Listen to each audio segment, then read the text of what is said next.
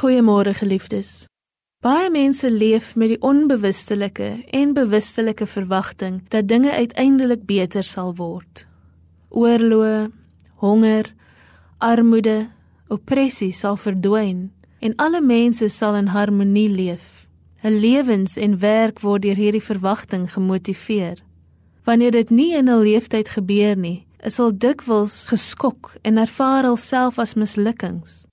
Maar Jesus ondersteun nie so optimistiese uitkyk nie, jammer om te sê. Hy voorspel nie net die verwoesting van Jerusalem nie, maar ook 'n wêreld vol wreedheid, geweld en konflik.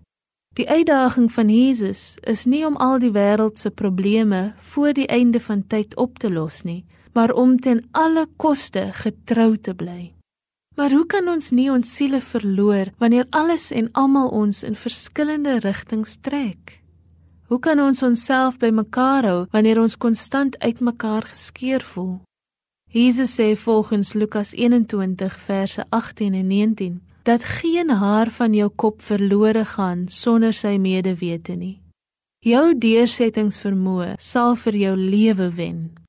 Ons kan slegs ons wêreld oorleef wanneer ons vertrou dat God ons meer intiem ken as wat ons onsself ken. Ons kan slegs alles bymekaar hou wanneer ons glo dat God ons bymekaar hou.